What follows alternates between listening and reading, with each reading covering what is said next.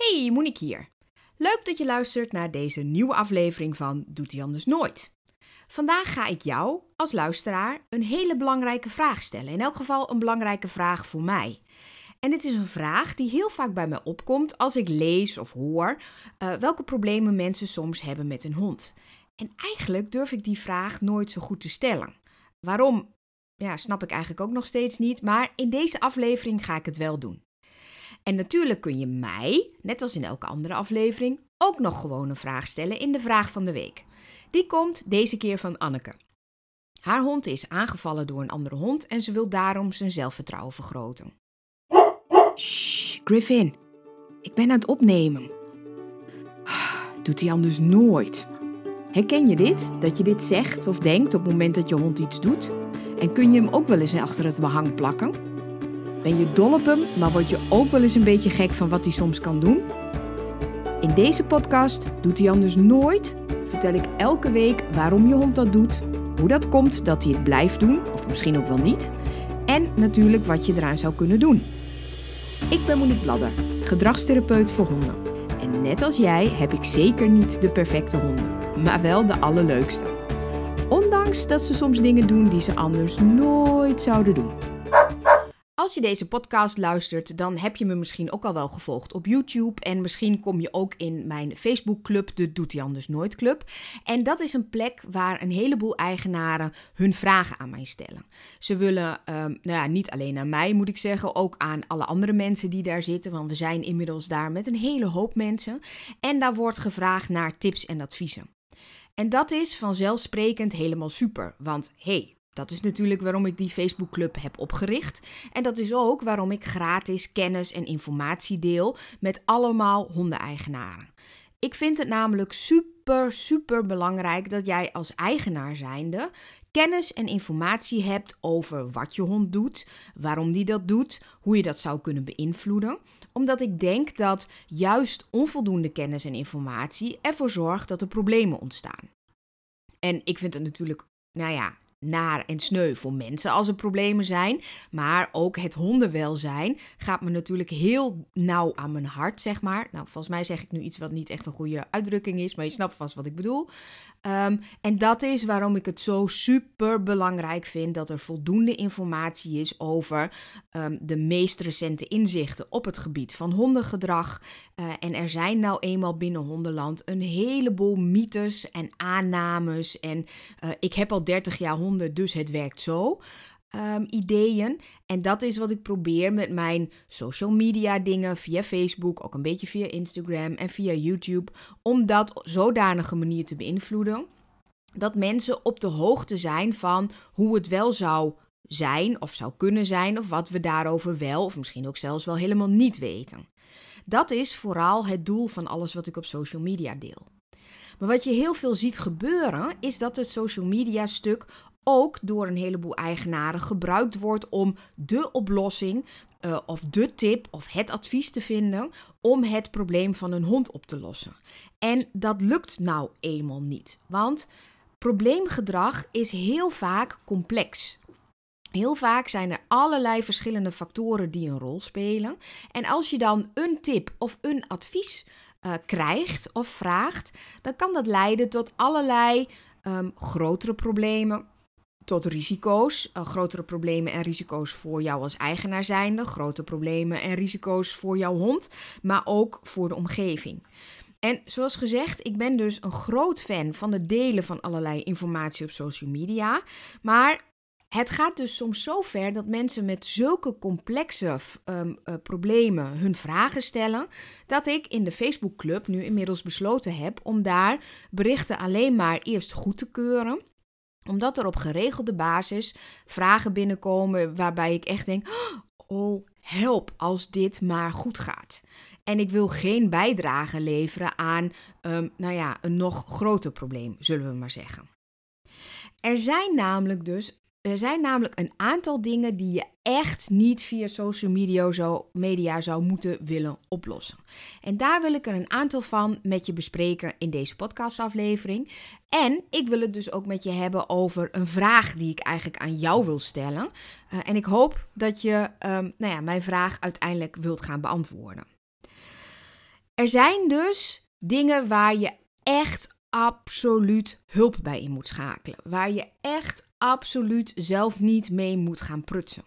Want als je dat gaat doen, dan loop je echt een groot risico. En ik ga in, verderop in de aflevering nog wat, daar nog wat specifieker in, wat, op in wat die risico's dan zijn.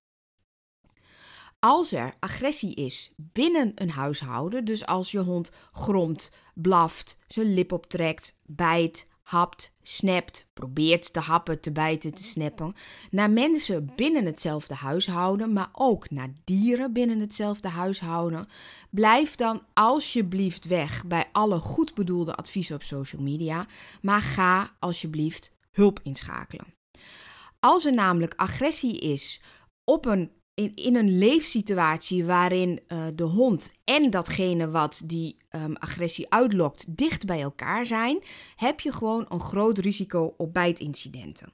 Nou ja, wat ik al zei, denk aan situaties binnen het huishouden waarin een hond misschien gromt op het moment dat hij een botje heeft of dat hij op de bank ligt en jij wilt graag dat hij eraf gaat of op je bed. Uh, maar ook als spel bijvoorbeeld zodanig over zijn grenzen heen gaat dat het niet meer alleen maar een spelgrom is, maar dat er bijvoorbeeld ook gehapt en gesnapt wordt. Um, en dan heb ik het overigens niet per definitie over puppybijten. Uh, want puppybijten is iets wat er heel erg bij hoort. Hè, wat hoort bij een pup.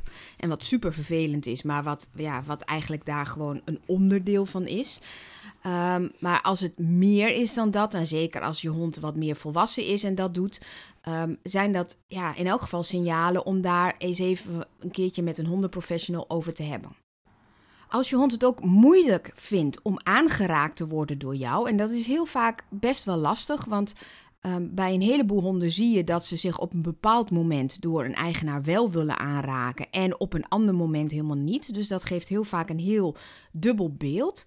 Maar als dat aan de hand is, dan moet je ook echt hulp inschakelen en daar niet zelf mee willen prutsen. Um, dat is namelijk een situatie die ook een hoog risico heeft.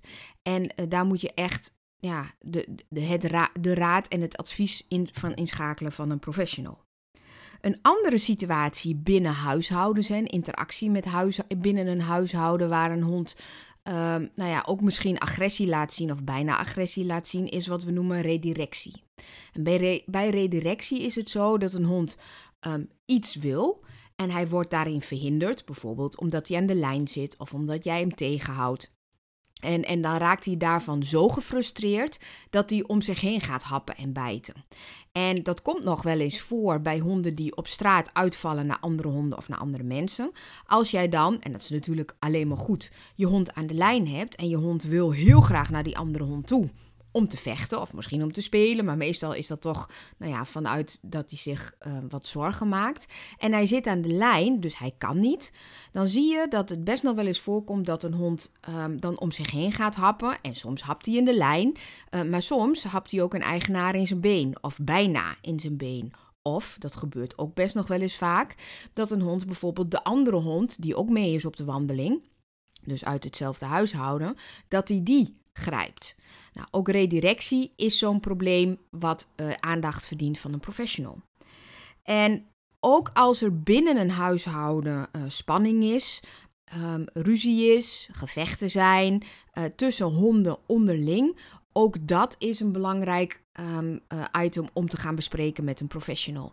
Denk dan bijvoorbeeld aan honden die geregeld met elkaar vechten, of honden die um, bijvoorbeeld als een eigenaar in de buurt is, dat je dan heel veel spanning ziet ontstaan. Of nou ja, over andere situaties die je niet echt makkelijk kunt ontwijken. Um, ja, dat zijn dan belangrijke aandachtspunten om dan wat verder te gaan kijken. Sommige dingen kun je natuurlijk gewoon voorkomen. Is misschien wat minder leuk, maar kun je voorkomen. Je kunt bijvoorbeeld voorstellen dat honden misschien ruzie krijgen over een speeltje. Dan kun je heel eenvoudig het speeltje opruimen. En als er dan verder geen issues zijn, is het probleem opgelost. Je hoeft het ook niet moeilijker te maken dan het al is. Maar als honden spanning ervaren onder elkaar vanwege de aanwezigheid van jou, omdat ze misschien alle twee graag aandacht willen hebben van jou, of omdat ze um, over de bank ruzie maken of over een andere plek, ja, dan is het toch wel handig om het daar eens over te hebben met iemand die weet waar die het ook daadwerkelijk over heeft. En want wat je namelijk ziet, hè, als, als dit soort issues er zijn, als mensen daarover adviezen gaan vragen op Facebook bijvoorbeeld of andere social media, krijgen ze adviezen als, als het gaat over bezitsagressie, ja, dan moet je dingen gaan ruilen. Dat kan inderdaad een goede oplossing zijn, maar soms kan dat ook juist het vele ruilen ertoe leiden dat er juist een onderwerp of een, een speeltje of voer, dat het juist nog meer waarde krijgt, omdat een eigenaar het heel graag wil hebben. Tenminste, in de beleving van de hond. Dus het is een algemeen goed advies om te ruilen op het moment dat er nog geen issues zijn. Als er wel issues zijn, kan het ook een goede aanpak zijn, maar het kan ook een tegenovergesteld effect hebben. Daarom is het dus nooit een goed algemeen advies. Wat er ook nog wel eens gezegd wordt op het moment dat een hond gromt naar een eigenaar of over een bepaalde plek, ja, dat moet je niet accepteren. Nou, dat vind ik altijd sowieso al heel erg lastig, want hoe zie je dat? Hè? Hoe moet je dat dan doen? Dat niet accepteren als je ver weg wilt blijven van je hond pijn doen of laten schrikken of intimideren. Ik wil dat niet, hè? Ik wil mijn hond niet pijn doen, niet schrikken en niet intimideren. Dus ik weet ook niet zo heel erg goed hoe dat er dan uitziet. Niet accepteren. Ehm, en ik denk dat een heleboel eigenaren ook niet weten hoe dat eruit ziet. En als je dan met een soort van one-liner, dat moet je niet accepteren, het bos ingestuurd wordt, zijn er een heleboel uh, onervaren en ervaren eigenaren die daar hun eigen invulling in gaan geven, uh, aan gaan geven. En meestal bestaat die invulling dan toch uit iets wat of intimiderend is of een hond laat schrikken. Um, en ja, behalve dat ik dat dus niet zo heel erg aardig vind uh, loop je daarmee ook het risico dat een hond juist nog meer agressie gaat inzetten. En daar waar hij misschien eerst alleen maar gromde, dat hij dan misschien toch een keertje gaat snappen. Dus ook niet zo'n heel erg goed advies, wat nog wel geregeld op social media voorbij komt. En um, als het bijvoorbeeld gaat over dat een hond jaloers is, hè, zo wordt het dan gezegd op een andere hond. En dat als de ene hond bij de andere, bij de eigenaar in de buurt komt, dat de andere hond dan misschien begint te grommen of dat daar spanning ontstaat. Wordt bijvoorbeeld ook nog wel eens gezegd van ja, dan moet je de ene meer aaien dan de ander. Of je moet de ene wegsturen. Of je moet ervoor zorgen dat de ene als eerste eten krijgt en de ander. En het zijn allemaal adviezen waarvan ik denk, nou, misschien moet je eerst eens verder kijken naar wat zit daar nou eigenlijk achter. En um, ja, de ene wegsturen omdat de ander er ook graag bij wil zijn, ja, dat geeft bij die weggestuurde hond alleen maar weer een vervelende associatie, wat ook ervoor kan zorgen dat de spanning alleen maar oploopt. Kortom, ook dat is geen goed advies. En dat is de boodschap van mijn verhaal als het, nou ja, zeker gaat over agressie binnen een huishouden. Dan moet je een advies hebben wat wel overwogen is, wat alle risico's Ehm, goed in kaart gebracht heeft. En dat je ook de verschillende interacties binnen zo'n huishouden goed kunt zien en goed kunt observeren. Als je mij langer gevolgd hebt, weet je misschien dat ik een, heel, een heleboel dingen online aanbied. Um, dat is een bewuste keuze van mij, omdat ik uh, zit met nou ja, chronisch tijdgebrek, zullen we maar uh, zeggen, en met reisafstanden en nou ja, allerlei andere praktische overwegingen. Um, en dat maakt dus ook dat ik tegenwoordig geen begeleidingstrajecten meer doe voor honden die binnen een huishouden agressie laten zien naar of mensen of naar andere dieren. Omdat ik dus vind dat er zeker dingen zijn die je online kunt doen. Daar ga ik straks nog wel wat over zeggen. Maar dat er dus ook dingen zijn die je niet online kunt doen. Die ik dus niet online kan doen als gedragstherapeut. Maar die je dan dus ook zeker niet via social media uh, met allerlei kleinere tips en adviezen kunt oplossen. Overigens, het is altijd goed om een soort van management tip te geven. Als in, oké, voorkom dat zo'n situatie ontstaat. Dat is altijd goed. Um, corrigeer je hond niet. Dat is ook altijd een goed advies. En laat ook even een check doen bij een dierenarts. Zeker als gedrag plotseling verandert. Ook dat is een goed algemeen advies. Maar meer dan dat kun je dus eigenlijk als goede algemene adviezen niet doen. En dat is dus voor mij ook de reden waarom ik geen adviezen meer geven over agressie binnen huishoudens, omdat je daarvoor, vind ik, op locatie moet zijn. De honden moet zien, de mensen moet zien. Um, ja, en dat is een keuze die ik zakelijk gezien gemaakt heb om dat niet meer te doen. En daarvoor moet je dus naar een goede collega hondenprofessional van mij gaan. En daar zijn er echt ondanks dat mensen het soms lastig vinden om ze te vinden, die zijn er echt. Ook daarover ga ik straks nog wat meer zeggen. Een ander probleem waar best nog wel vaak vragen over gesteld worden op social media, uh, zijn dingen die te maken hebben met angst. En laat ik heel duidelijk stellen, op het moment dat jouw hond uh, alleen maar, zeg ik nu tussen haakjes, want het is natuurlijk vervelend genoeg, maar alleen maar bang is voor een bepaald geluid.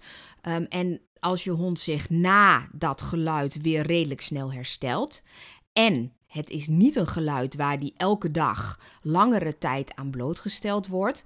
Dan kun je via uh, een tip en een advies. En als je zelf wat handig bent en als je jezelf goed hebt ingelezen over um, hoe je dat zou kunnen trainen, kun je daar zelf best wel iets mee doen. En daar vind ik ook niet zo'n groot probleem als je daar een tip of een advies over vraagt. Maar op het moment dat een hond um, heel slecht herstelt. Daarmee bedoel ik, hij schrikt van een geluid, of dat nou onweer of vuurwerk is, of misschien wel iets in jouw dagelijks leven. Hij schrikt van een geluid en hij gaat niet direct na die eerste schrikreactie zo van, oh, oh, wat was dit? En hij gaat daarna niet gewoon weer door met zijn leven, om het maar even dramatisch uit te drukken.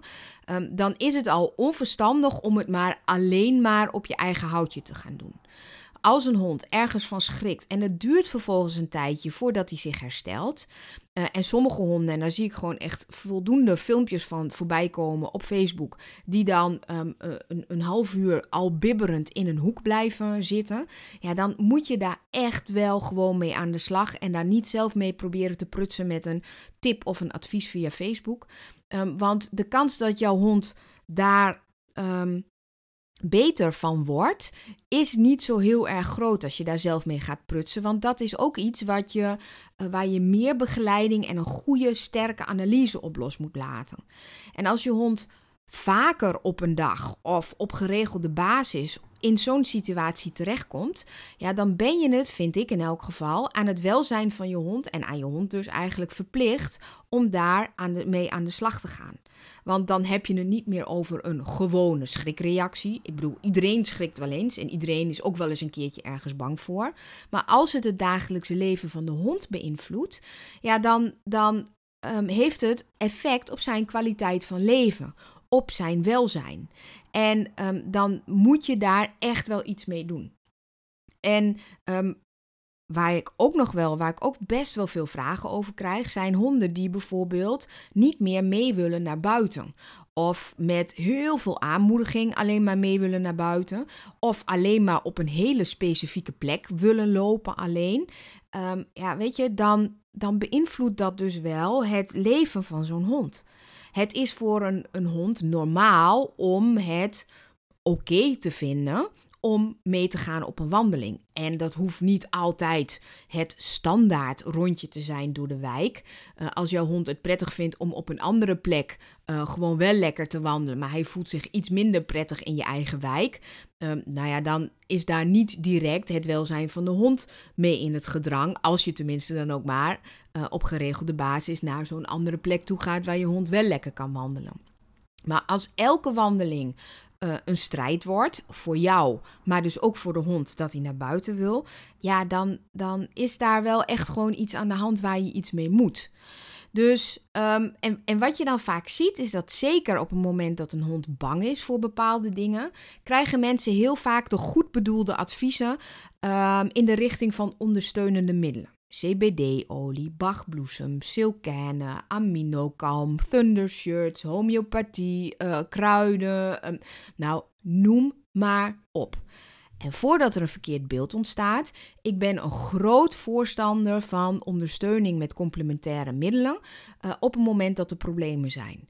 Maar hier zit dus de nadruk: het is een ondersteuning. En ondanks dat collega-hondenprofessionals en ik ook dat blijven benadrukken dat het gaat over een ondersteuning, zie ik heel veel dat mensen voordat ze überhaupt aan de slag gaan met het gedrag van een hond en met de emotie van een hond, dat ze eerst hun toevlucht zoeken tussen pilletje hier, spreekje daar en dus alleen maar die dingen doen, dus die um, middelen geven en niet verder aan de slag gaan met training. Dus eigenlijk staat dan zo'n advies tot een pilletje of een poedertje of een spreetje, staat eigenlijk de weg naar een echte oplossing in de weg. Zoals gezegd, ik heb helemaal niks tegen al deze middelen die ik hier net noemde. Sterker nog, er is een heel groot aantal daarvan uh, wat ik in de praktijk heel vaak zelf adviseer uh, en gebruik. Dus daar heb ik niks mis mee, maar je, uh, daar is niks mis mee, maar het is wel een ondersteuning.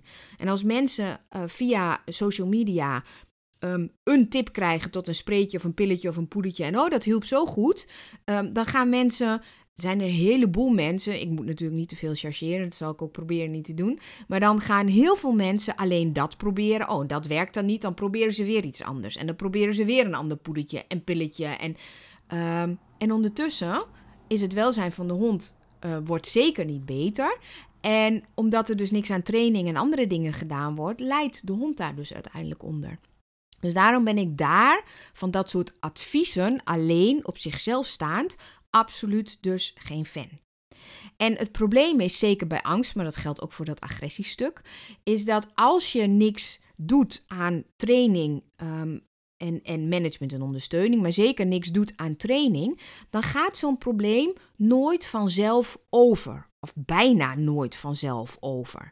Want um, heel vaak wordt er dan ook nog wel eens gezegd van, ah, dat is vast de puberteit, of dan groeit hij wel overheen. Of, nou, een van de dingen die meestal wel vanzelf overgaat, is het puppybijten. Als een hond gewisseld heeft, dan wordt dat bijten eigenlijk bijna, nou ja, zo goed als altijd, wordt vanzelf beter.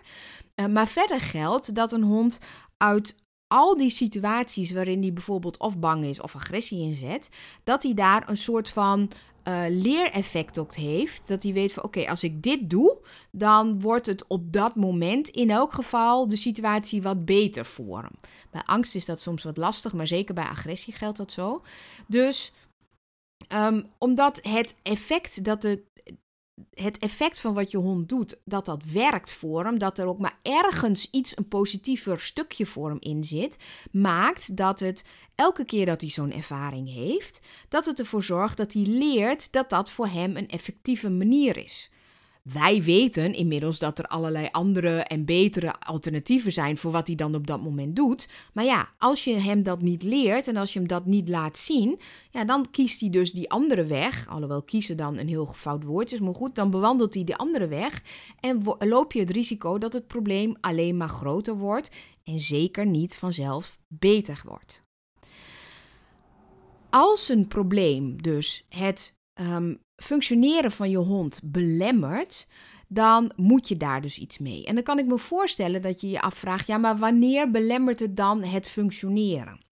Nou, ik vind het heel erg lastig om daar een heel algemeen verhaal over te houden, zonder het over hele theoretische vijf vrijheden van en dat soort dingen allemaal te hebben.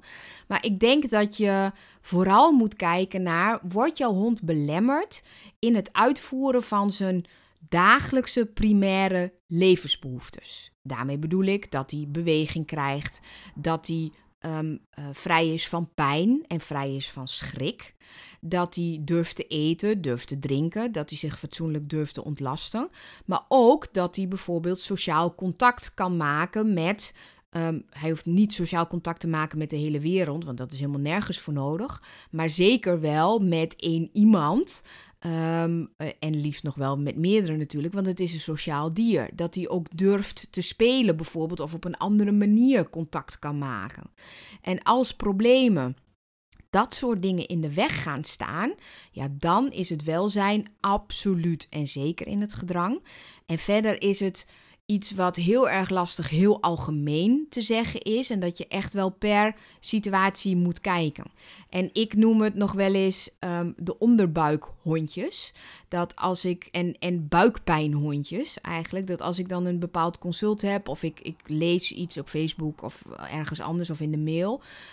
Um, dan kan ik op basis van wat ik daar lees, dat ik denk van, oh, nou, mijn hemel, deze hond voelt zich echt niet fijn ja, dan noem ik dat zo'n buikpijnhondje. En een buikpijnhondje moet en verdient hulp. Um, vanwege het welzijn van de hond, maar ook omdat je het risico loopt dat het probleem alleen maar groter en erger en meer wordt. En nou kan ik me dus voorstellen dat je misschien naar deze uh, aflevering luistert en denkt, en ik hoop het niet, ik hoop dat je me goed kent Ehm, dat je niet tot die conclusie komt. Maar misschien denk je, dit is één grote reclamespot voor MoniqueBladder.nl als gedragstherapeut. Maar geloof me, zo is deze absoluut niet bedoeld. Ja, ik kan jou zeker helpen. Alleen, wat ik al eerder gezegd heb, ik kan je helpen in bepaalde online trajecten in de vorm van uh, videolessen met daarbij behorende begeleiding. Maar dat zijn problemen waarvan ik vind en denk dat ik op basis van videomateriaal en gesprekken en contacten die ik heb met eigenaren, dat ik op basis daarvan goede en verantwoorde adviezen kan geven. Het is namelijk zo dat bij de problemen waarin ik deze uh, cursussen aanbied, dat gaat over blaffen naar visite, uitvallen naar honden en naar mensen op straat, problemen met het alleen zijn um, en angst voor geluiden en of voorwerpen, dat ik um, daar, daarin eigenlijk in dat soort problemen altijd een heleboel algemene theoretische kennis en informatie moet delen met een eigenaar. En die kennis en die informatie zit in, het, zit in de online cursussen. Vervolgens moet je daar als combinatie, dus hond en eigenaar, met die kennis en informatie aan de slag.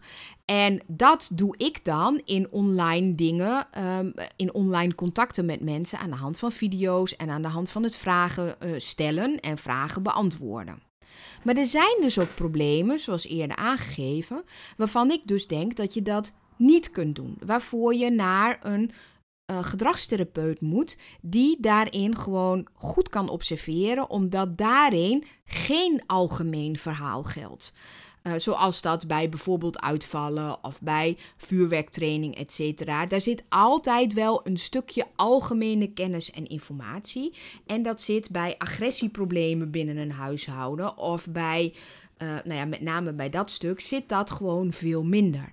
En daarvoor moet je dus naar een collega gedragstherapeut. En um, er wordt heel vaak gezegd: ja, ik vind het heel moeilijk om een goede gedragstherapeut te vinden. En eerlijk is eerlijk, dat is ook niet altijd even simpel, omdat iedereen in Nederland zich nou eenmaal gedragstherapeut mag noemen. Je hoeft geen enkele opleiding te hebben om je gedragstherapeut te noemen, dat mag iedereen doen. Maar dat wil niet zeggen dat er geen goede opleidingen zijn. Sterker nog, die zijn er zeker.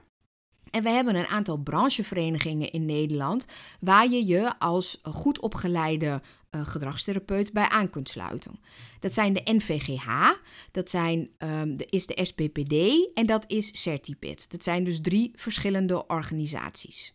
En um, er zijn ook drie opleidingsinstituten in Nederland. Uh, dat is Annelunda Kinologisch Kenniscentrum, het opleidingscentrum dat ik heb samen met mijn collega Erika Bokelman. Dat is de Martin Gauss Academie uh, en dat is Dogvision. En die drie instellingen leiden mensen op tot gedragstherapeut. En um, wij hebben bij Annelunda net weer een andere invalshoek dan uh, de Martin Gauss Academie en dan Dog Vision. Dat is nogal wie dus, want als iedereen alles op hetzelfde manier doet, zouden er niet verschillende instituten hoeven te zijn.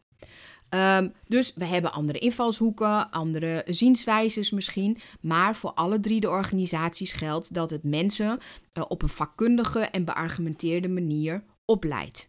Ik heb natuurlijk het liefst dat je gaat naar uh, iemand die gaat die opgeleid is bij Annelunda. Ik preek natuurlijk wel voor eigen parochie. Maar mensen die bij de andere opleidingsinstituten zijn opgeleid, zijn ook gedegen opgeleid.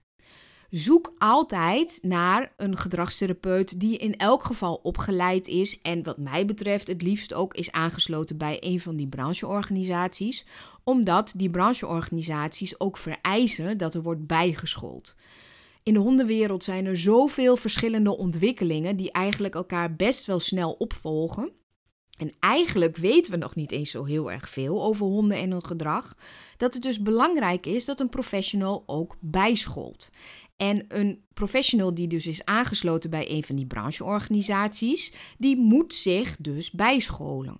Dus daarom pleit ik altijd voor dat je naar een collega van mij gaat, als je niet bij mij komt, die geschoold is, die dus een opleiding gedaan heeft bij of Annalunda, het liefst wat mij betreft, of bij Gauss of bij Dogvision, en die is aangesloten bij de NVGH of de SPPD of bij Certipet of bij alle drie, dat kan ook. Um, en laat ik dit ook gelijk zeggen: het is geen garantie dat je een gedragstherapeut treft die helemaal aan jouw eisen en jouw wensen voldoet en met wie het klikt. Um, en misschien heeft diegene wel de opleiding gedaan, maar heeft uiteindelijk toch voor een andere weg gekozen. Dus het is altijd belangrijk om voordat je een afspraak maakt, om je goed te informeren waar diegene voor staat. En hoe die in het algemeen naar bepaalde problemen en probleemgedragingen kijkt. En of die een suggestie kan geven hoe die dat zou oplossen. Als je deze podcast luistert, hoop ik, denk ik, dat je in elk geval je hond wilt helpen op een manier die voor de hond oké is, prettig is, diervriendelijk is. En ik hoop dat ik je met mijn YouTubes en met mijn podcastafleveringen en artikelen en alle informatie die ik deel in de Facebookclub dat ik je zoveel informatie heb gegeven dat je op zijn minst de juiste vragen kunt stellen aan een gedragstherapeut om een inschatting te maken of die collega inderdaad op een hondvriendelijke manier, volgens recente uh, inzichten, uh, jou gaat helpen. Stel die vragen dus ook voordat je die afspraak maakt. Dat vind ik echt super belangrijk, want het is gewoon het, het feit dat iemand is aangesloten en opgeleid is, is nog geen garantie. Maar vraag vooral. Stel de juiste vragen aan die collega van mij. En ja, het kost geld. Want ja, weet je, ik moet mijn hypotheek betalen, mijn collega's moeten mijn hypotheek betalen. En vergeet niet dat wij duizenden euro's geïnvesteerd hebben in een opleiding. Dus dat betekent dat dat geld ook gewoon terug verdiend moet worden. Dus ja, een goede professional kost geld en een goede professional kan jou niet in 50 euro van een probleem afhelpen. Want een goede professional gaat jou minstens nou, laten we zeggen, ergens tussen de 6 en de 10 uur begeleiden. En dat zijn niet allemaal praktijklessen, maar dat is wat het kost hè, om uh, zich voor te bereiden, om jouw video's te bekijken, om het gesprek te hebben met jou, om een behandelplan te maken, om jouw vragen en opmerkingen te beantwoorden, misschien nog met jou de training te doen. Dus dat kan wel zo'n 6 tot 10 uur zijn dat jij met zo'n gedragstherapeut in contact bent. Dat kan niet voor 50 euro, want ook wij moeten BTW en inkomstenbelasting betalen. Dus daar staan zouden in elk geval goede normale tarieven aan um, verbonden moeten zijn. Een um, gedragstherapeut die, op, die aangesloten is bij bepaalde brancheverenigingen, sommige daarvan uh, worden vergoed door een ziektekostenverzekeraar als je een aanvullend pakket hebt. Uh, dus dat is ook altijd nog de moeite om daarna te kijken. En ik weet, uh, dat geldt in elk geval voor mij, maar ik weet dat dat voor een heleboel collega's geldt, dat als je financiële problemen hebt waardoor het lastig wordt om ehm, een van ons te betalen, om die hulp in te schakelen, dat er heel vaak ook dingen mogelijk zijn als het gaat over gespreide betalingen, et. Dus dat hoeft niet hulp in de weg te staan. Maar ja, het kan nou eenmaal niet gratis als je iemand wilt die goed opgeleid is, die professioneel is, die weet wat hij doet en die ook ervaring heeft in het verlenen van de hulp. En nou komt mijn vraag aan jou. De vraag waarin ik waar ik helemaal in het begin over begon. En dat is dat ik mij heel, heel vaak, en ik stel me hier misschien best wel een beetje kwetsbaar op, maar heel vaak soms behoorlijk gefrustreerd afvraag: waarom ga je niet naar een gedragstherapeut? En eerlijk is eerlijk, ik vraag me ook nog wel eens af: waarom kom je niet bij mij? Maar in een breder perspectief, waarom schakel je niet de hulp in van een gedragstherapeut als er een probleem is waar jij zoveel last van hebt, of waar je hond zoveel last van hebt, heeft, moet ik zeggen, of waar jouw omgeving zoveel last van heeft. Wat is hetgene wat jou verhindert om hulp in te roepen? En ik kan me voorstellen dat je, als je hier nu naar luistert, dat het klinkt als een verwijt. En dat is absoluut niet mijn bedoeling. Maar het is een oprechte verbazing en soms frustratie waarom iemand geen hulp inschakelt terwijl er hulp is. Ik hoop dat dat niet alleen maar financiële redenen zijn. Ik kan me voorstellen dat financiële redenen een argument zijn.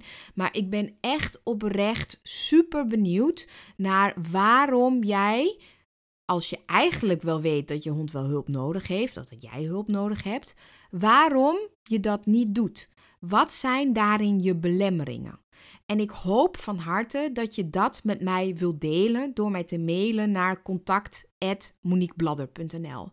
Want ik wil heel graag meer mensen, meer honden kunnen helpen om het welzijn van hond en mens te kunnen verbeteren. Dus als je dat met mij wilt delen, ben ik je daar super dankbaar voor. Ehm, want ja, het is iets wat ik me echt al, nou, ik denk echt serieus al wel jaren afvraag. En nu met deze podcast heb ik eindelijk de mogelijkheid om die vraag eens heel in het algemeen te stellen.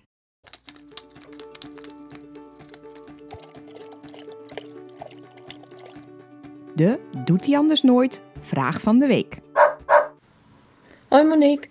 Mijn hond is als pup en als jonge hond in de angstfase gepakt door een andere hond. Hij is nu bijna drie jaar en een dikke maand terug gebeten door een ontsnapte pitbull. Gelukkig geen grote verwondingen, enkel een gaatje. Mijn hond is door deze gebeurtenissen erg onzeker buiten. Mijn vraag aan jou is: hoe kan ik mijn hond meer zelfvertrouwen geven tijdens het lopen buiten?